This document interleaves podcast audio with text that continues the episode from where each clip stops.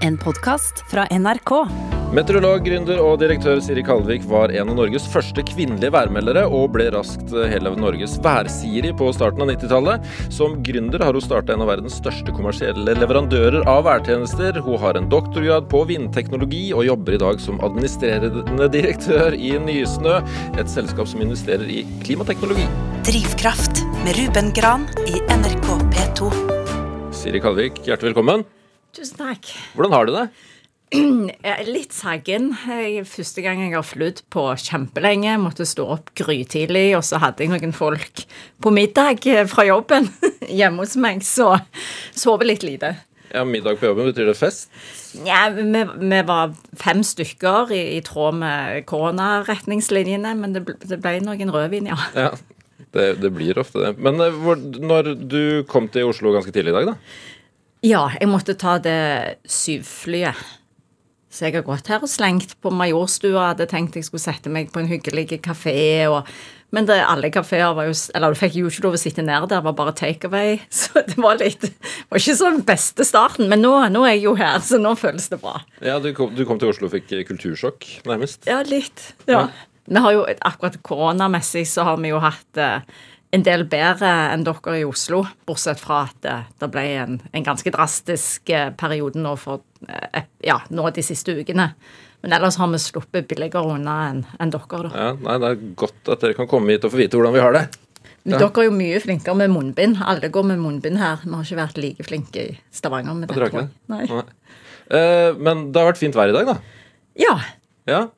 Du, når du, kan du liksom bare stikke hodet ut av vinduet og se opp på himmelen, så skjønner du hvordan været blir et par dager? Eller bruker du storm og yr og sånn, du òg? Jeg bruker uh, disse appene, da. Men jeg, jeg pleier alltid Noe av det første jeg gjør, er jo å se opp. uh, og se på skyene og kjenne på luften, holdt jeg på å si. Eh, men det er enormt vanskelig å, å varsle været uten moderne teknologi. Altså Før i tiden så så dette med gamle værtegn og det å tolke værutviklingen eh, var jo noe noen få kunne.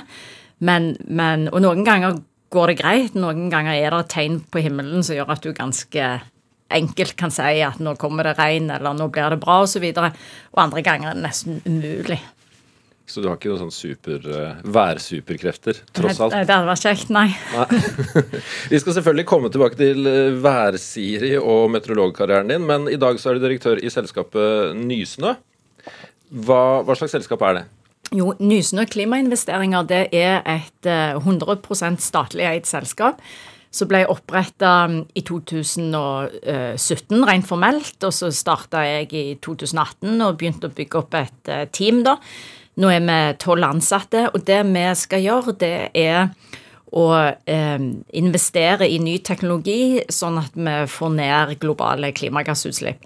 Så vi er jo en, en respons på, på Parisavtalen og Parismålene. Så ved hjelp av eh, teknologi, da, så, så kan vi jo eh, få til et mye bedre klima. Eh, men da må vi ha risikokapital for å bygge opp disse selskapene. Så nå er det investeringer eh, ja, i ett og alt jeg gjør. Så det, men dette skal være lønnsomme investeringer, så det er et statlig kommersielt selskap. da, invest, Investeringsselskap. Ja, det, og, det, og det omtales også som et fond. Ja, et fond, men det er, det er egentlig bare en en, hva skal du si, investor i vårt fond, da. Eller egentlig er det jo mange millioner, for det er jo eh, alle, alle nordmenn eh, Altså det er jo skattepengene våre, holdt jeg på å si, som, som vi forvalter, da. Men, men vi kalles et investeringsfond, men vi forvalter egentlig bare statens sine penger, da. Og så investerer vi i, eh, direkte i selskaper eller i andre fond som så investerer i selskaper. Men er det dere som finner de, eller kan man på en måte søke om Nei, du kan, og du kan ikke søke om midler, fordi at vi er ikke en sånn eh, Vi gir ikke støtte, men vi på en måte jakter på gode investeringsmuligheter. Så vi leter selv etter muligheter, men det er klart at vi får jo masse henvendelser, og det vil vi veldig gjerne ha. Så mange ganger eh, blir jo investeringene våre til fordi folk har tatt kontakt med oss, da, eller spennende selskaper. ja. Du, du har sagt noe sånt som at dette er en drømmejobb for deg. Ja. Hvorfor, hvorfor er det det? Jeg, jeg, ehm, jeg, jeg tenker at jeg har jo alltid brydd meg om uh, miljø og klima. Og jeg tenker at nå Ja, det er vel drømmejobben, for jeg føler jeg får brukt en hel haug med sider av meg sjøl til noe som er, kanskje det mest meningsfylte jeg kan tenke meg, nemlig å prøve å redde denne planeten her. For uh, det bærer jo galt av sted, men akkurat nå er jeg jo mer optimistisk enn noensinne, da. Men, eh, så det handler jo om å jobbe hver dag for å få ned de eh, globale klimagassutslippene. Men hvorfor er du, hvorfor er du optimistisk? Eh, jo, for nå, nå eh, har det jo vært en enorm mobilisering eh, i, Altså, kapitalen eh, styres jo nå mer og mer inn til klimateknologi. og, og det har blitt en enorm interesse for eh, klima og, og, og håper jeg, klimaaction. Eh, og vi ser jo òg eh, Rystad eh, Energi, analysebyrå, eh, de presenterte nå òg eh, en scenario eller et outlook som Eh, er basert på jeg, data og fakta, men som viser jo at eh, halvannen graders og togradersmålet er faktisk mulig. Og det var kanskje en av de første scenarioene som, som ble lagt fram, som, som, faktisk er så positive. Dette, jeg, jeg selv har jo jobba med dette nå i, i, i 20 år. Jeg, ja, det var en gammel Jeg lurte litt sjøl på når jeg begynte liksom aktivt å jobbe med med klimaformidling og, og klimakampen, da. Og, og, i 2001 så var jeg iallfall ute i media, uh, så jeg nå. Det var en, en i Storm Geo, Roar Hansen, som hadde funnet fram en gammel avisside i BA uh, så, så, og advarte mot klimaendringene. Så det har jo vært uh, Og det er jo faktisk 20 år siden. så, og da har det jo vært litt sånn håper jeg, opp- og nedturer, men nå føler jeg at nå drar vi alle sammen i riktig retning. Men sånn rent praktisk, hva, hva er jobben din der? I, i Nysnø? Mm. Jeg, jeg, leder jo dette teamet, da. Um, og det vi gjør, er jo å Vi har 2,4 milliarder kroner som vi skal forvalte. Og da eh, finner vi selskaper som trenger kapital til å, å skalere og vokse og eh, kommersialisere løsningene sine. Så da eh, investerer Altså vi, eh, eier, vi får en eierandel av selskapet mot å bidra med denne kapitalen. Og så er vi gjerne med i styrene i selskapet, vi jobber med aktive eiere. Eh, og er gjerne med på flere kapitalrunder. Eh, og så måten vi skal tjene penger på, er jo at disse selskapene skal vi etter hvert eh, selge igjen. Så, så dette og, og, Ja, altså ren investeringsvirksomhet. Og det, det har jo jeg holdt på med mer håper jeg, på privatbasis etter Storm Geo. Men eh, nå er det jo en ære å få gjøre det med, med, statlige penger, da, som brukes på en enormt fornuftig måte. Mye, mye møter? Veldig mye møter. Jeg har jo reist sykt mye eh, tidligere, og så som alle andre så må en jo endre arbeidsformen og, og ha Teams-møter. Eh, og det fungerer egentlig veldig, veldig bra. Så nå er det jo Jeg husker ikke når jeg var i Oslo sist, men det føles iallfall som et år siden. Jeg tror ikke det er så lenge siden. Men jeg, jeg fikk knapt til å bestille mm, flybilletten min. Oh, ja. Rolste noe fælt, og jeg klarte ikke å ta tur-retur. Eh, kjøpte to enkeltbilletter. Men det var litt fordi jeg hadde tenkt å ta nattog, men nå ble det ikke det allikevel. Ja. Men hva, hva, er de siste tingene dere har investert i? Vi har eh, investert i eh, et eh, selskap som heter Torghatten, som er et stort transportkonsern som eh, eh, har elektriske busser og ferjer og som driver med ja, ferjer og, og busstrafikk. Og vi har investert i eh, Vi var med å ta eh, Ottovo, solcelleselskapet, på børs, eller på Euronext. Vi har investert i batteriteknologi. Senate, kjempespennende batteriteknologi. Vi har investert i et fond som heter Astanor, som skal være med å endre matsystemene. Et annet fond som heter AP Ventures, som er et rent hydrogenfond. Um, Segpower det er et, um, et, selskap som gjør, um, uh, driver med metanreformering med integrert karbonfangst, sånn at du lager blå hydrogen, al altså ren hydrogen. Ja, er, vi har 16 selskaper nå, og gjennom fondene våre tror jeg vi er indirekte eh, eksponert i til, til, over 60 selskaper, da, og alle disse handler om å, å bidra til å få klimagassutslippene ned. Når det kommer til å utvikle eh, klimateknologi, har, har Norge noen fordeler? Ja, eh, og, og, det er masse. Og det er jo det som er så gøy òg med denne jobben. fordi vi bidrar håper jeg, i klimaets tjeneste, men vi jobber jo òg med å, å, finne nye eh, næringsstrømmer eller nye inntektsstrømmer for Norge. da.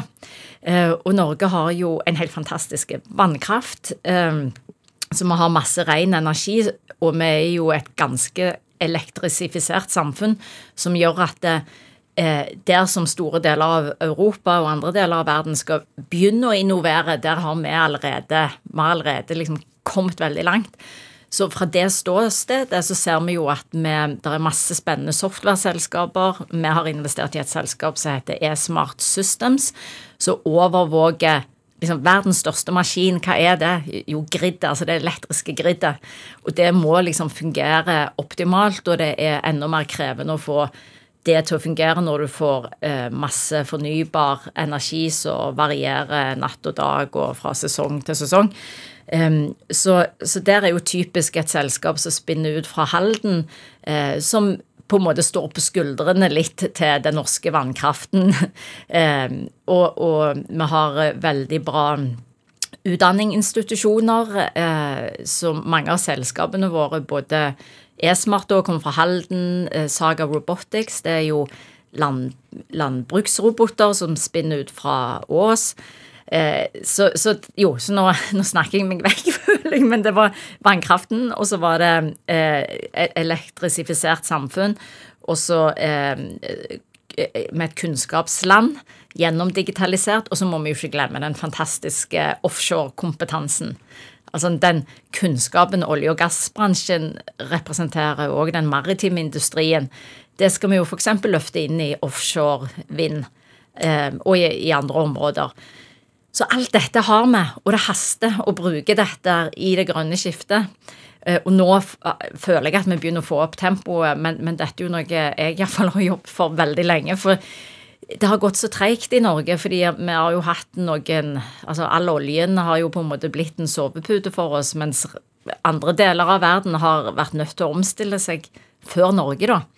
Eh, men nå, nå, føler jeg at det begynner å skje ting her òg. Er du litt utålmodig? Ja, ja, jeg kjenner det veldig utålmodig.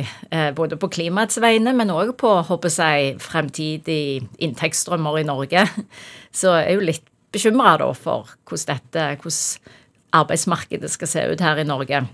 Men, men eh, jeg, jeg, tror vi har Hvis vi tar tak i disse norske konkurransefortrinnene og bruker de aktivt, så, så er de en eh, veldig bra plattform til å bygge store selskaper.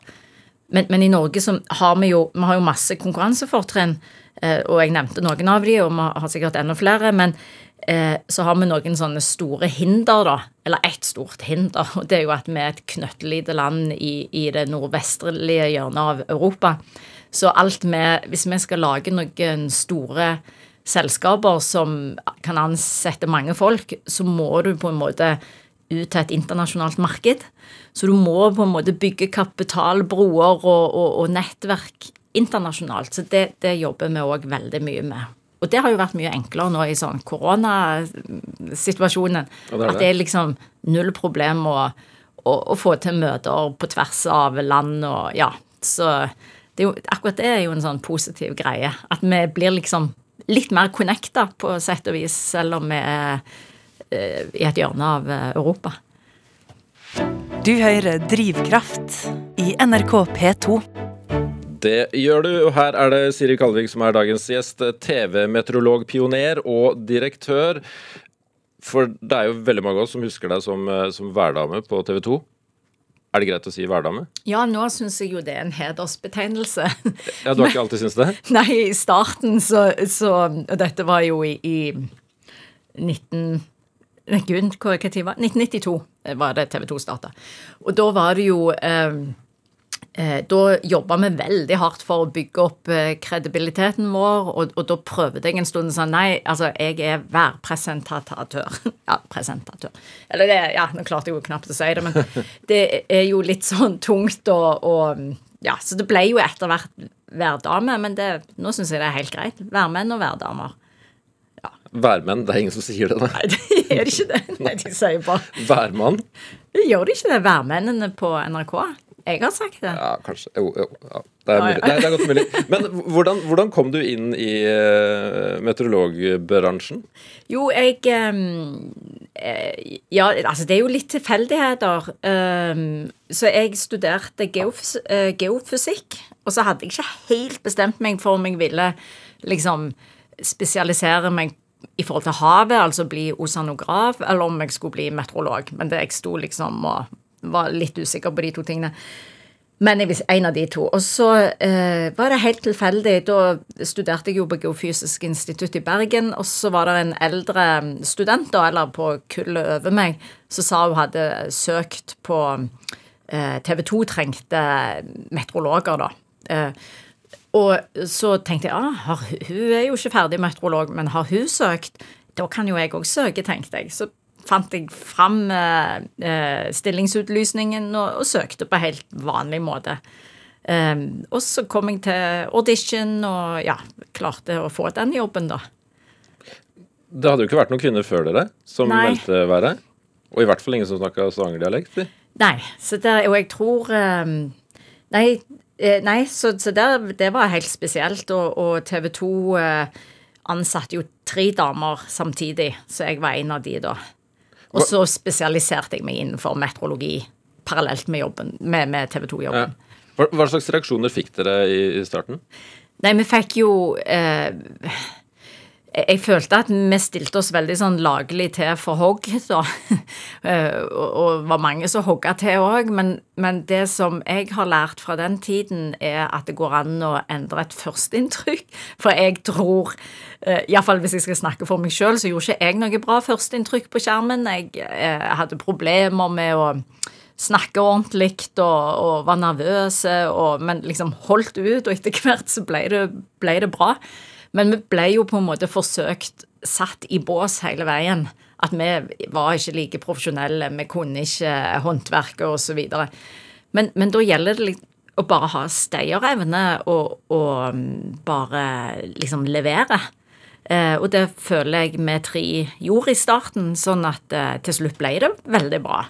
Eh, og så brukte vi òg Jobba vi veldig aktivt med ny teknologi. Vi utvikla jo et software som vi brukte på TV 2 som viste animasjon av lavtrykkene og høytrykkene, og vi putta isobarer, altså, altså sånn trykklinjer, på, på TV-ruten og animerte de, og det var vi de første i verden som gjorde.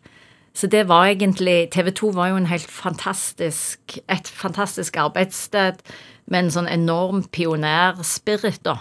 Jeg, jeg tror de bygde opp den der TV-stasjonen på liksom rekordtid. Og jeg var med helt fra starten i 1992 og har lært utrolig mye der. Ja, hvordan var stemninga? Altså, man, hvordan er stemninga når man starter altså den første konkurrenten til eh, nasjonalkringkastinga? Ja, og det var jo, det var jo så mange som jeg, problematiserte dette her, og det går ikke an, og det kommer til å bli så tøft og sånn. Og der. Men det var på en måte Det var liksom ingen barrierer, og en bare gutsa på. Og jeg husker jo spesielt godt eh, Bjarne Berg, eh, Øyvind Johannessen og Petter Ole Jacobsen som de liksom tre hva skulle du si, jeg vil nesten si de er tre mentorer for meg, men hvor det er en sånn enorm eh, stå-på-vilje, da, og, og særlig Bjarne Berg, som var nyhetsredaktør, han er dessverre død nå, men han, han var virkelig nytenkende, da. Så det var han som, som gjerne òg, jeg tror, var litt av eh, hjernen bak måten å bygge opp eh, nyhetene og været den gang, da. Kan du huske den første sendinga di? Um, jeg husker Nei, vet du hva? Jeg husker liksom de første. Men jeg, jeg har ikke sånn tydelig erindring for den første. Men jeg husker jeg var veldig nervøs, og, og dette var jo direkte. Og så husker jeg òg at vi ble sendt til det det var jo ingen så Altså, vi fikk jo ikke noe ordentlig opplæring, men de hadde funnet ut at de skulle sende oss til var det Sky News i England. Der skulle vi få en ukes opplæring. Og det var helt grusomt. Vi kom jo tilbake som sånne eh, Ja, jeg enda mer nervøse. For der fikk jeg beskjed om eh, bare liksom Oh, just be natural, liksom foran TV. Men når du aldri har stått foran en, en, eh, et kamera, så er liksom Du kan ikke være naturlig foran kamera, for du er nødt til å spille en rolle. For hvis du er naturlig, så ser du dritsur ut på TV. For det, det, TV gjør noe med deg. Det, det filtrerer vekk den, den, der gode dialogen du har i et rom, men den forsterker tics og ting og tang. Så du må så du må liksom spille en rolle, men så må den rollen bli en del av ditt naturlige repertoar. Så derfor så finnes det omtrent ingen annen måte enn å bare liksom hive seg ut i det og, og ta på seg den til slutt, den rollen som blir en del av ditt rollerepertoar. Så jeg, jeg bare syns det er så fælt når jeg hører En må ikke si til folk gå foran kamera og bare være naturlig, eller sett deg i stolen der og bare Ja. Det, det funker ikke hvis du aldri har gjort det før. Så du fant deg på en måte en karakteren Værsiri etter hvert? Du må på en måte Du må liksom gi litt sånn ekstra energi inn i bevegelser. og og, og så er det jo òg en helt fullstendig unaturlig setting med en sånn blåvegg som du er på. Og så skal du peke på et kart som ikke eh, fins bak deg. Så skal du late som om det er Det er jo helt Går ikke an å være naturlig. det ble jo veldig Det ble jo mye fokus på deg på den tida. Du var ung, og du var blond, og du var kvinne. Altså, hvordan var det å plutselig få masse sånn, den type personfokus? Ja, jeg husker jeg syntes det var veldig ubehagelig i starten. Og jeg husker òg at Stavanger Aftenblad ringte og ville For da var, det jo, da var jeg jo ei ung jente fra Stavanger som hadde fått denne jobben, og de ville intervjue meg. Og så, så forsto ikke jeg hvorfor Jeg hadde jo ikke begynt å jobbe ennå, så hvorfor skulle de intervjue meg? Altså, jeg forsto ikke altså, medier i det hele tatt. Så de ble jo fornærma og trodde jeg var høy på pæra. Men det var jo bare fordi at jeg ikke Jeg følte jeg hadde jo ingenting å snakke om, for jeg hadde jo ikke begynt i jobben ennå. Men um, så jeg var veldig sånn ydmyk og, og, forsiktig i starten. Men så handler det liksom om å bare omfavne det og, og, og, ta den posisjonen, da. Men jeg var enormt forsiktig med å stille opp i sånn eh, modereportasjer og intervjuer om skjønnhet og intervjuer om eh, ja, klær og utseende. Altså jeg var veldig sånn selektiv på å hele veien snakke fag bare snakke om vær. Eh, for jeg, jeg, hadde en større behov enn andre da, til å, å bygge opp en faglig kredibilitet. da. Og, og, og, folk kom jo med Det var jo veldig sånn forutentatt. Jeg husker den verste overskriften jeg har hatt. Og jeg, gjorde et liksom ærlig, fint intervju i et ukeblad.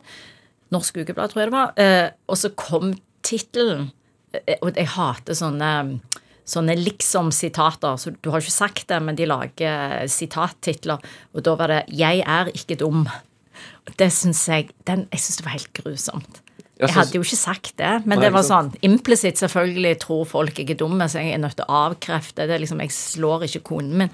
Jeg er ikke dum. Altså, det er sånn Nei vel.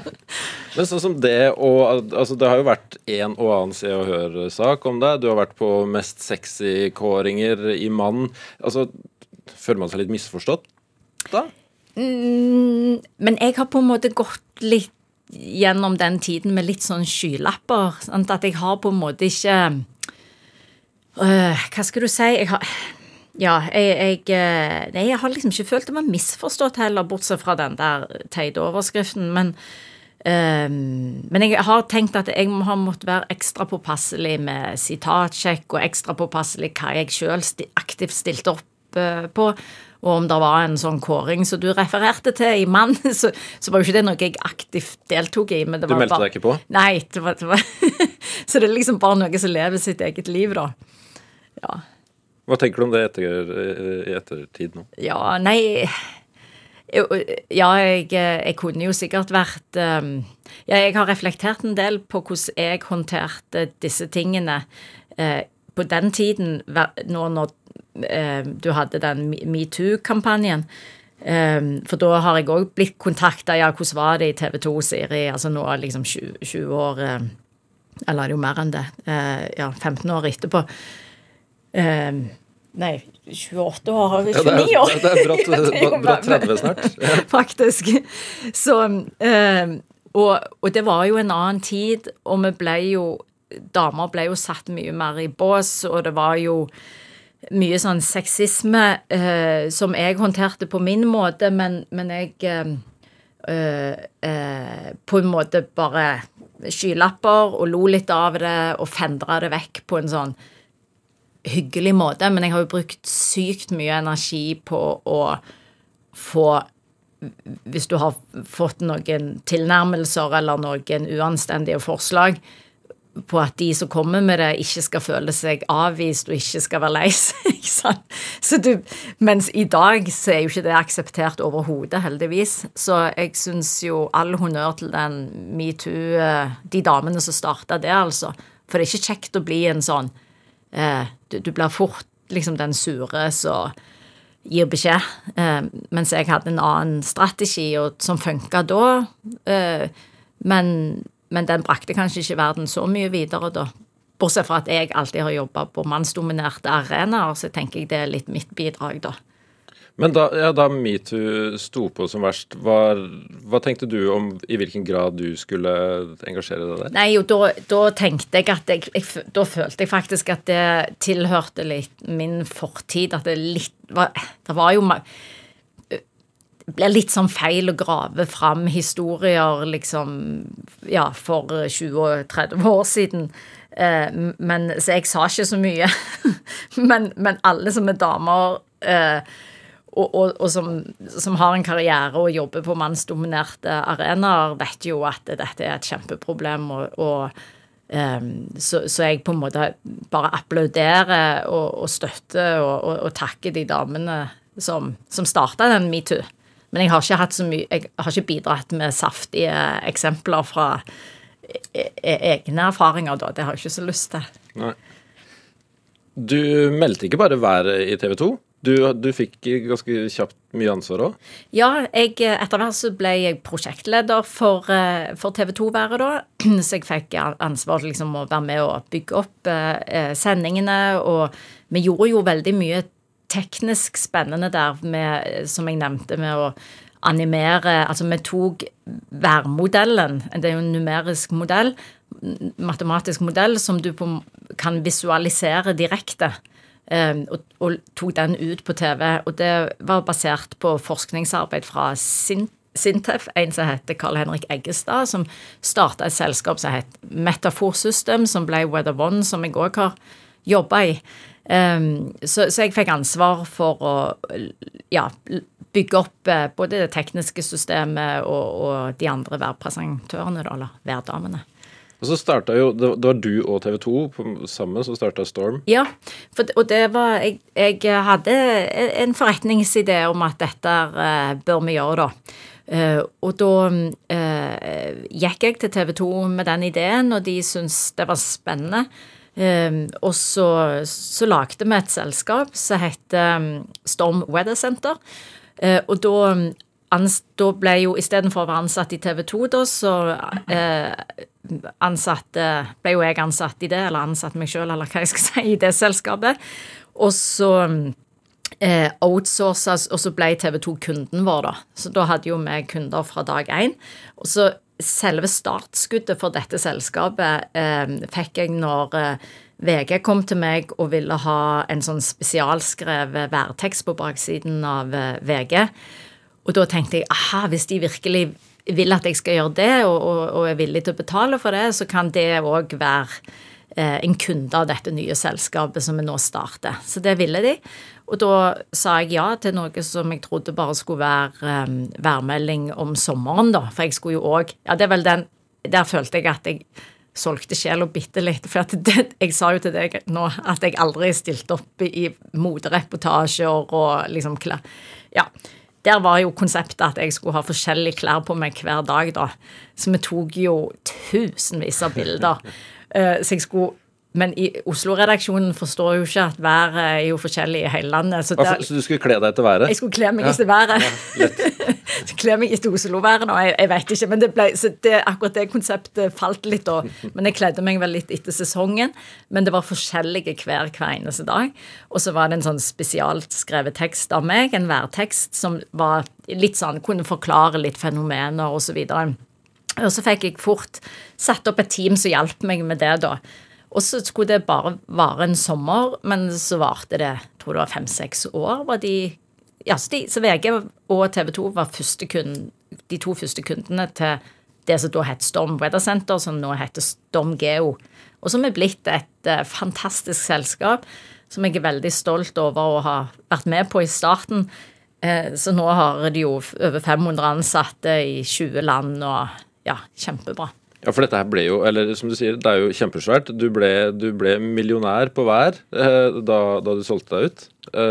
og hva var det det ble solgt for nå sist? 3,6 milliarder, tror jeg det var. Ja, 3,6 milliarder kroner til eh, det var EQT som eide de. Alfa Leval kjøpte de. Så det var et sånn industrielt salg, da, som jeg tror er veldig bra for Storm Geo. Så blir det en langsiktig industriell satsing. For jeg, jeg bryr meg jo veldig mye om Storm Geo fortsatt, selv om jeg ikke eier noe nå, mm. da.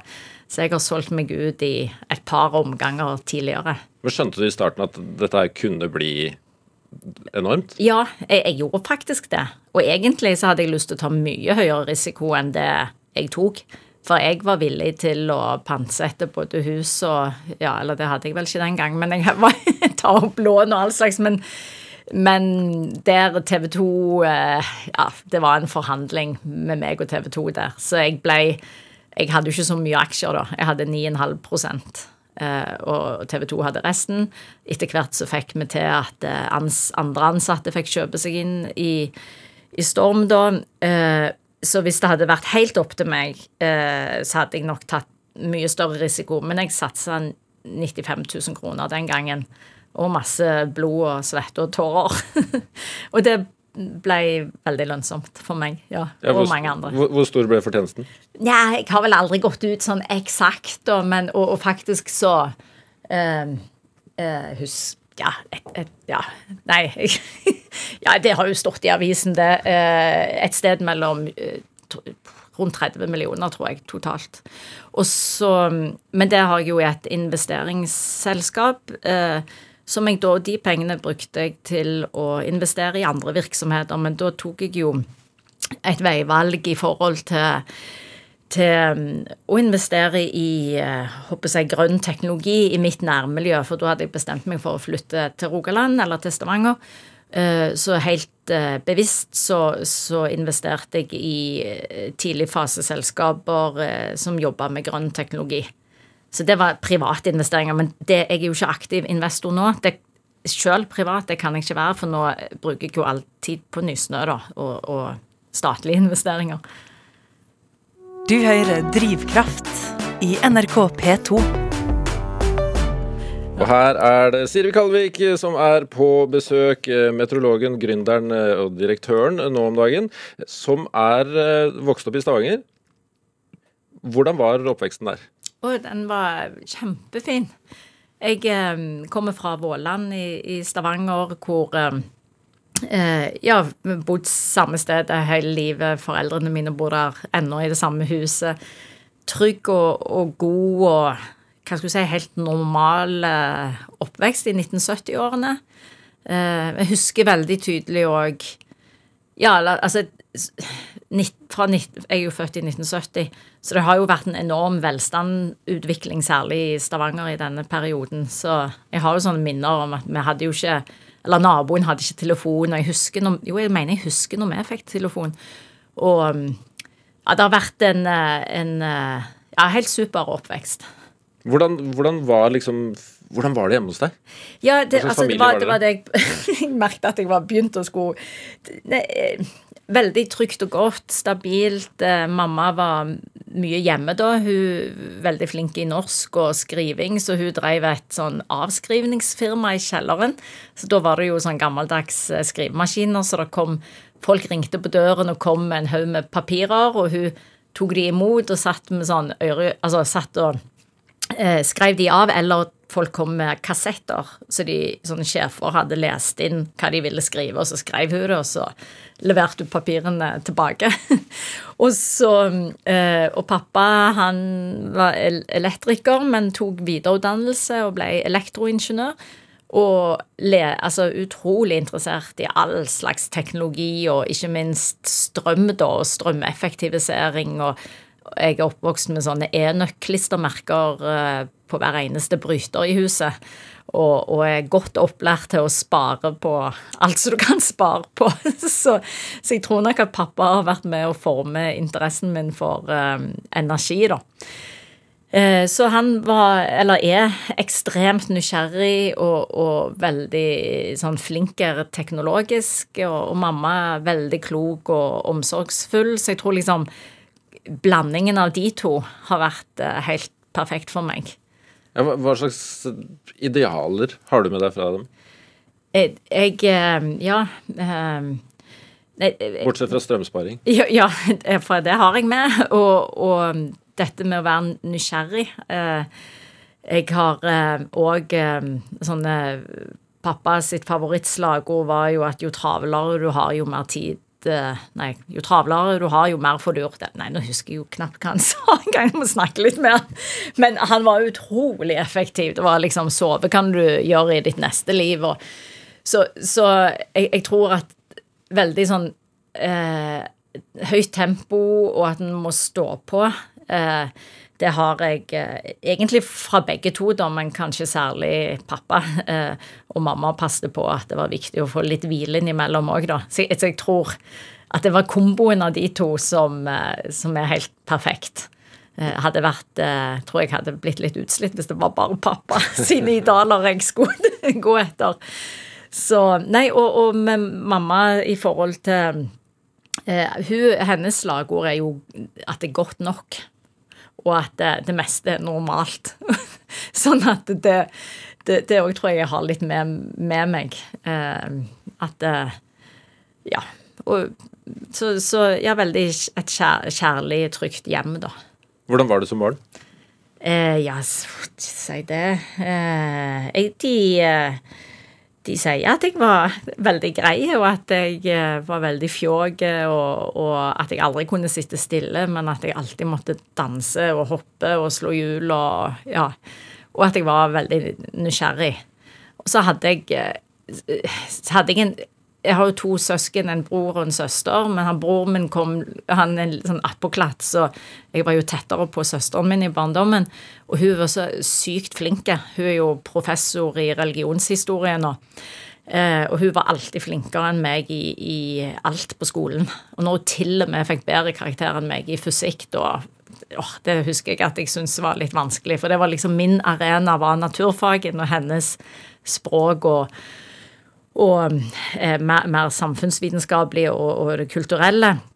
Eh, men hun, hun, eh, var flink i alt, hun egentlig. Og jeg sleit veldig med å skrive og lese, og har tydelige minner fra lange timer eh, ved siden av mamma, hvor mamma hjalp meg med, med lekser. Så hun gjorde en kjempeinnsats der. Ja, For det var realfaga som var din, det du gikk for? Ja, og det var vel så, Ja, så jeg, jeg, det er jo det jeg liker best. Men nå i voksen eh, alder, da, så har jeg jo lært meg å skrive òg. Så nå syns jeg jo Jeg har enormt sans Altså, nå liker jeg jo å skrive, men jeg, jeg hata det når jeg var liten. Jeg, jeg fikk det rett og slett ikke til. Um, og mamma mener at jeg har dysle, eller hadde dysleksi, men det var jo det, det er litt sånn som jeg syns er litt vanskelig å snakke om. fordi hvis du har skikkelig dysleksi, så, er, så føler jeg jo det er gjerne en fornærmelse eh, i forhold til de å si at jeg har det, da. For jeg har sikkert hatt en eller annen sånn mild form for det, men jeg, jeg hadde lese- og skrivevansker. Um, men på 1970-tallet så fanga du jo ikke det opp på samme måte som du fanger det opp i dag. Og så tror jeg kanskje det at jeg ikke fikk til den arenaen da har du jo litt sånn survival-instinkt, at du jobber med de andre arenaene. Så det kan godt være at det er det som gjorde at fysikk og matte ble min greie.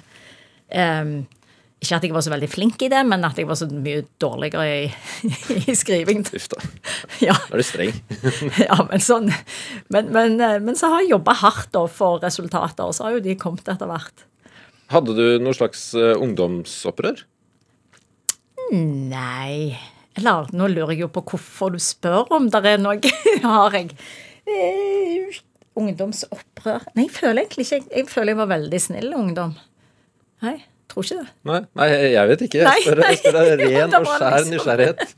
Nei, for jeg tror Nei, jeg, jeg var Nei, jeg hadde vel egentlig ikke det.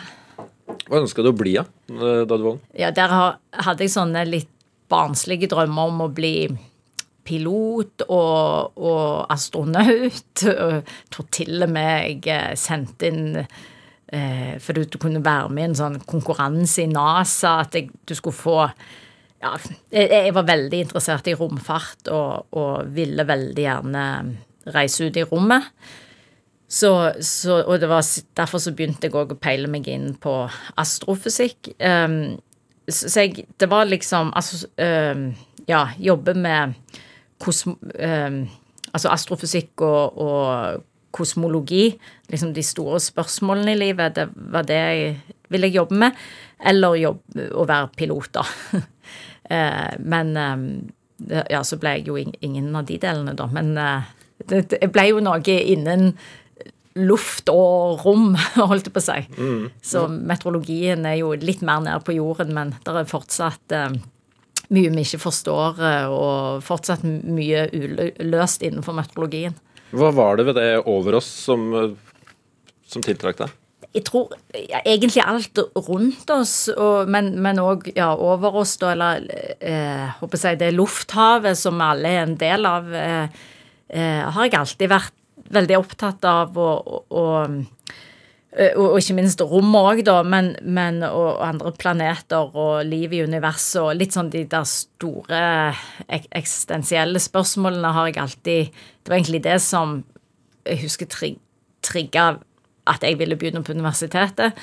Um, men så ble det kanskje litt for lite Det ble litt vel fjernt. Uh, så jeg kom meg liksom litt nær på jorden igjen, men ikke helt nær, så jeg holdt meg oppe i atmosfæren. Ja. Du, du, har vært medlem av Stavanger ufo-forening? Ja, det er altså faktisk Norsk parapsykologiske forening òg. Mm. Vi kan ta en av gangen. ja. Hva slags aktiviteter driver, driver, man med i Stavanger ufo-forening? Ja, Jeg tror ikke jeg var så veldig aktiv medlem. Det var faktisk pappa og meg som var medlem der. Eh, en observerte jo Det var jo en, eh, en klubb da med, som hadde et observatorie med, med, gode stjernekikkerter, og var foredrag og, og så videre. Ja. Jeg har ikke vært noe ak veldig aktiv medlem, men jeg tror jeg har et, vært medlem en gang, ja. Du har vært på kornsirkelsafari, har du ikke det? Ja. Det, det, det var helt fantastisk. Eh, akkurat kornsirkler er jo veldig farlig å snakke om, for du blir jo fort putta i en sånn eh, sinnssyk bås. men kornsirkler eksisterer, og så kan du jo debattere hvem som lager de, men, men uansett så er det helt fantastiske, fantastiske formasjoner i åkeren. Og jeg har vært inne i fersk, helt ferske kornsirkler, og det, det, er en spesiell følelse, altså. Så dette var i Sør-England hvor, hvor, det var pappa, broren min, søsteren min og meg som dro på kornsirkelsafari. Og det var en helt uforglemmelig opplevelse. Ja, Hva er den, hva er den følelsen? Nei, altså du, du, kan ikke fatte og begripe at dette er lagd eh, av mennesker, da. Men så, For det går Jeg har kjørt forbi en kornsirkelåger om eh, seint på kvelden, og neste morgen så har det vært en, liksom, en gigantisk kornsirkel med helt intrikate mønster i. og Um, og, og, da når vi gikk i den ferske kornsirkelen, så prøvde vi liksom å gå den opp. Eh, og det var mange hundre meter stor, og jeg prøvde å tegne mønsteret. Og så begynner det å fly småfly over deg, og så går du inn på nettet, og så lastes det ned bilder sett ovenifra, da, og så bare åpenbarer det seg helt sånn utrolig fine, komplekse kompleks sirkel, eller eh, formasjon. Um, så du føler at du er litt sånn tett på noen mysterier, men, men jeg har ikke noen forklaring på det, og jeg, jeg, vet faktisk ikke helt hva jeg tror. Men noen forklarer det som meteorologisk eh, fenomen, at vind og Det, det bare vet jeg at det ikke er. Eh, og, og det er mange kornsirkler som er lagd av folk òg, altså. Og, og, ja, så jeg, jeg, jeg vet ikke, rett og slett. Har du vært ute på åkeren og lagd noen noen gang? Nei. Nei. Du har ikke juksa? har ikke juksa. Men denne, denne parapsykologiforeningen, hva, hva handla det om for deg? Um, nei, det handler vel òg litt sånn om det samme. At en ønsker å prøve å forstå eh, verden. Eh, og, og, kanskje en anerkjenne at, eh, at vi er bare kommet liksom, så langt med vitenskapen, og at det fins eh, krefter eh, som vi ikke helt forstår ennå. Og så har jeg alltid tenkt at dette er noe som kan forklares fra naturvitenskapens side Altså, jeg ville jo ha en, en sånn naturvitenskapelig approach da på, på parapsykologien.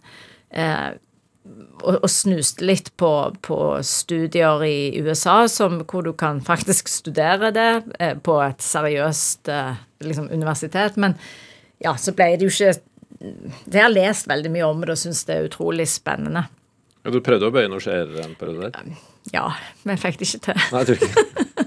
Men er det noen link, eh, eller hva, hva er linken for deg mellom altså, parapsykologien til uh, meteorologi? Um, ja, eh, nå beveger jeg meg inn på et altså, Og nå er det veldig lenge Nå handler jo alt bare om klimainvesteringer, så jeg føler jeg er litt rusten i, i, i parapsykologien her. Og, og, men, men eh, jeg, jeg, tror jo at det finnes håper jeg, noen krefter vi ikke helt eh, klarer å forklare ennå. Og, og eh, luften, da, den, eh, den, sirkulerer jo i alt levende. Altså, vi er jo virkelig forbundet sammen i lufthavet som omslutter eh, jorden. Så, så, kanskje er det eh, Kanskje vi er forbundet med hverandre i en mye mer ty tydelig og en, en, mer sånn fysisk kontekst enn det vi i dag klarer å beskrive med vanlig fysikk. da. Og, så, og faktisk så er det jo en link nå til klima, fordi at det som jeg syns er en sånn fin tanke i forhold til klima, er jo at eh, klimaendringene viser jo hvor tydelig vi er forbundet med hverandre.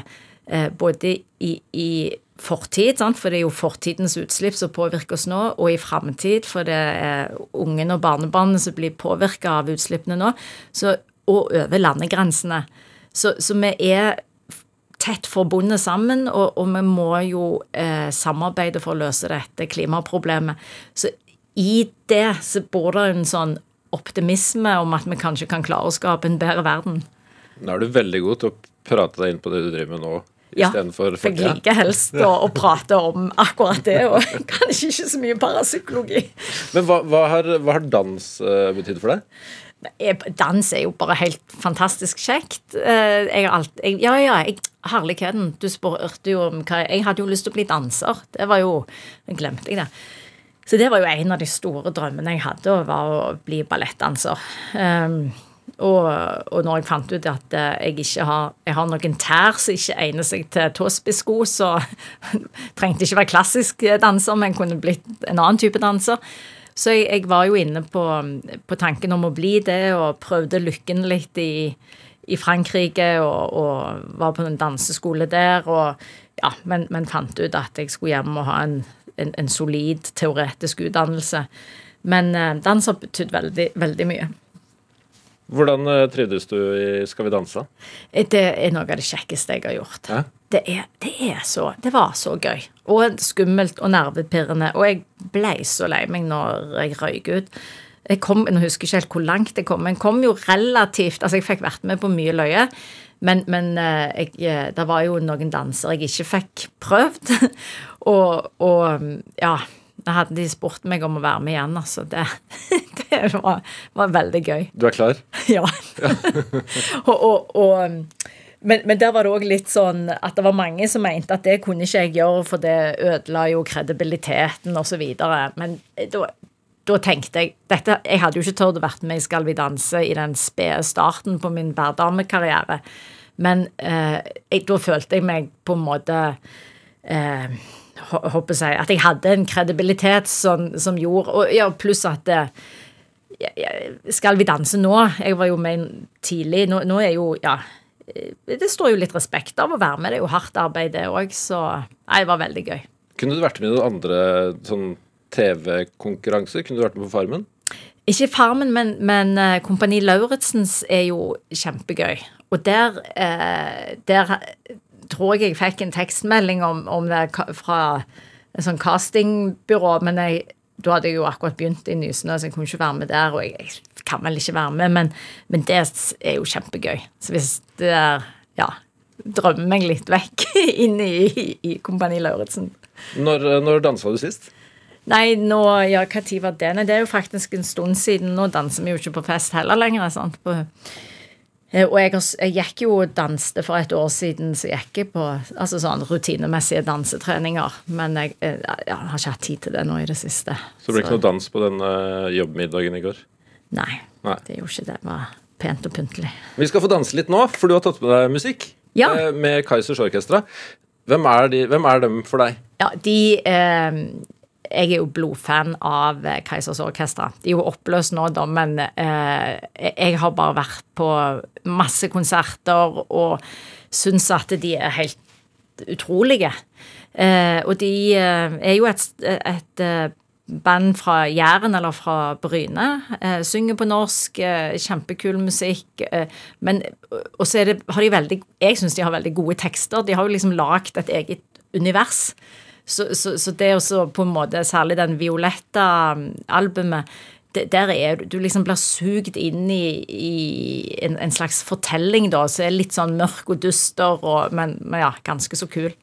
Du har vært på scenen med dem? Mhm. Du har vært på scenen med dem, har du ikke det? Oi. Ja, eh, ja på en konsert så Ja. slo jeg på noen oljefat, ja, det er sant. Jeg tror til og med jeg stagediva i oh, ja. Hvordan var det? Eller husker Jo, du det, noe av det om jeg husker så mye. Nei, jeg ble Jeg vet ikke hva dette husker knapt, men, men jeg, eh, jeg tror jeg ble dratt opp på scenen. Eh, og så sto og slo løs på disse oljefatene på en konsert på Folken i Stavanger. Veldig gøy. Du kan eh, finne frem din indre oljefat nå, for eh, du som hører på Drivkraft, får i hvert fall litt av Kaizers Orkestra sin siste dans, som Siri Kalvik har med seg.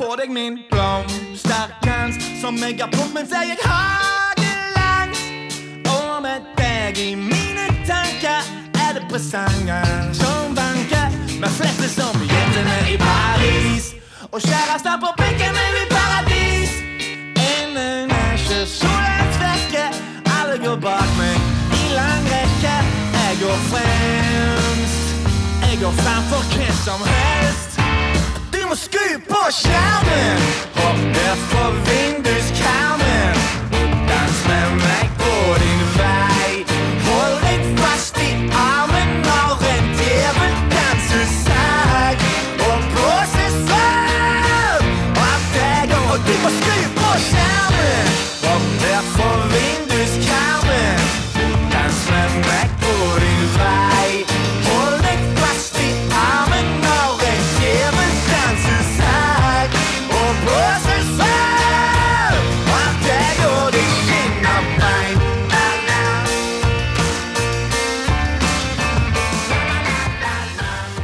Siste dansen på tampen eh, Nei, siste dans er det med Kaizers Orkestra her i Drivkraft på P2, som Siri Kalvik eh, har med seg, som har vært på konsert med dem flere ganger. Har til og med spilt med dem, si.